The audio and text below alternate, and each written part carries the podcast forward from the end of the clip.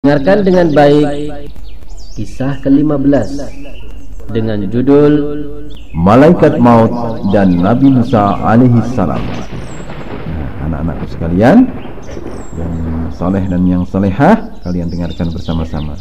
Kisah ini dikisahkan oleh seorang sahabat Nabi Muhammad sallallahu alaihi wasallam yakni yang bernama Abu Hurairah radhiyallahu anhu. Beliau mengisahkan pada suatu hari Allah mengutus malaikat maut untuk mencabut nyawa Nabi Musa alaihissalam. Ketika malaikat maut bertemu Nabi Musa alaihissalam, Nabi Musa alaihissalam menampar malaikat maut dengan keras hingga matanya lepas. Ya, anak-anakku sekalian, loh kok bisa ya? Karena ketika itu malaikat maut, uh, yakni menjelma sebagai manusia jadi yang dihadapinya dia yakni Nabi Musa AS tidak tahu kalau itu malaikat yang setahunya adalah manusia ya. Nah, karena wujudnya manusia. Gitu. Tidak tahu kalau itu adalah malaikat maut.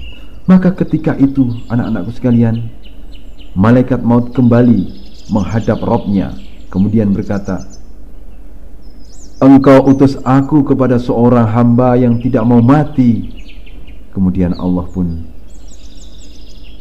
memulihkan mata malaikatul maut ya dan kemudian berfirman kembali dan katakan padanya agar ia meletakkan tangannya di punggung seekor lembu jantan. Baginya umur setahun pada tiap helai bulu yang tertutup oleh tangannya. Anak-anakku sekalian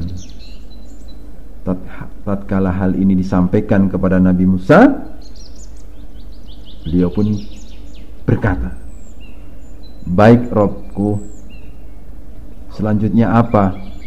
Demikian kata Nabi Musa alaihissalam. Allah berfirman, selanjutnya mati. Nabi Musa pun berkata, kalau begitu sekarang saja. Maka Nabi Musa memohon kepada Allah supaya mendekatkannya ke tanah suci yakni Baitul Maqdis dengan jarak selemparan batu. Kemudian anak-anak sekalian Abu Hurairah pun melanjutkan kisahnya. Berkata Rasulullah Sallallahu Alaihi Wasallam Seandainya aku berada di sana Akan aku perlihatkan makam Musa alaihissalam Yang berada di pinggir jalan Di bawah gundukan pasir merah. Demikian sabda Rasulullah Sallallahu Alaihi Wasallam. Anak-anakku sekalian Yang dimuliakan Allah Subhanahu Taala Demikian kisah ini ya Mudah-mudahan bisa diambil hikmahnya dan pelajarannya. Insya Allah kita akan berjumpa kembali di lain kesempatan. Wallahu a'lamu bishawab.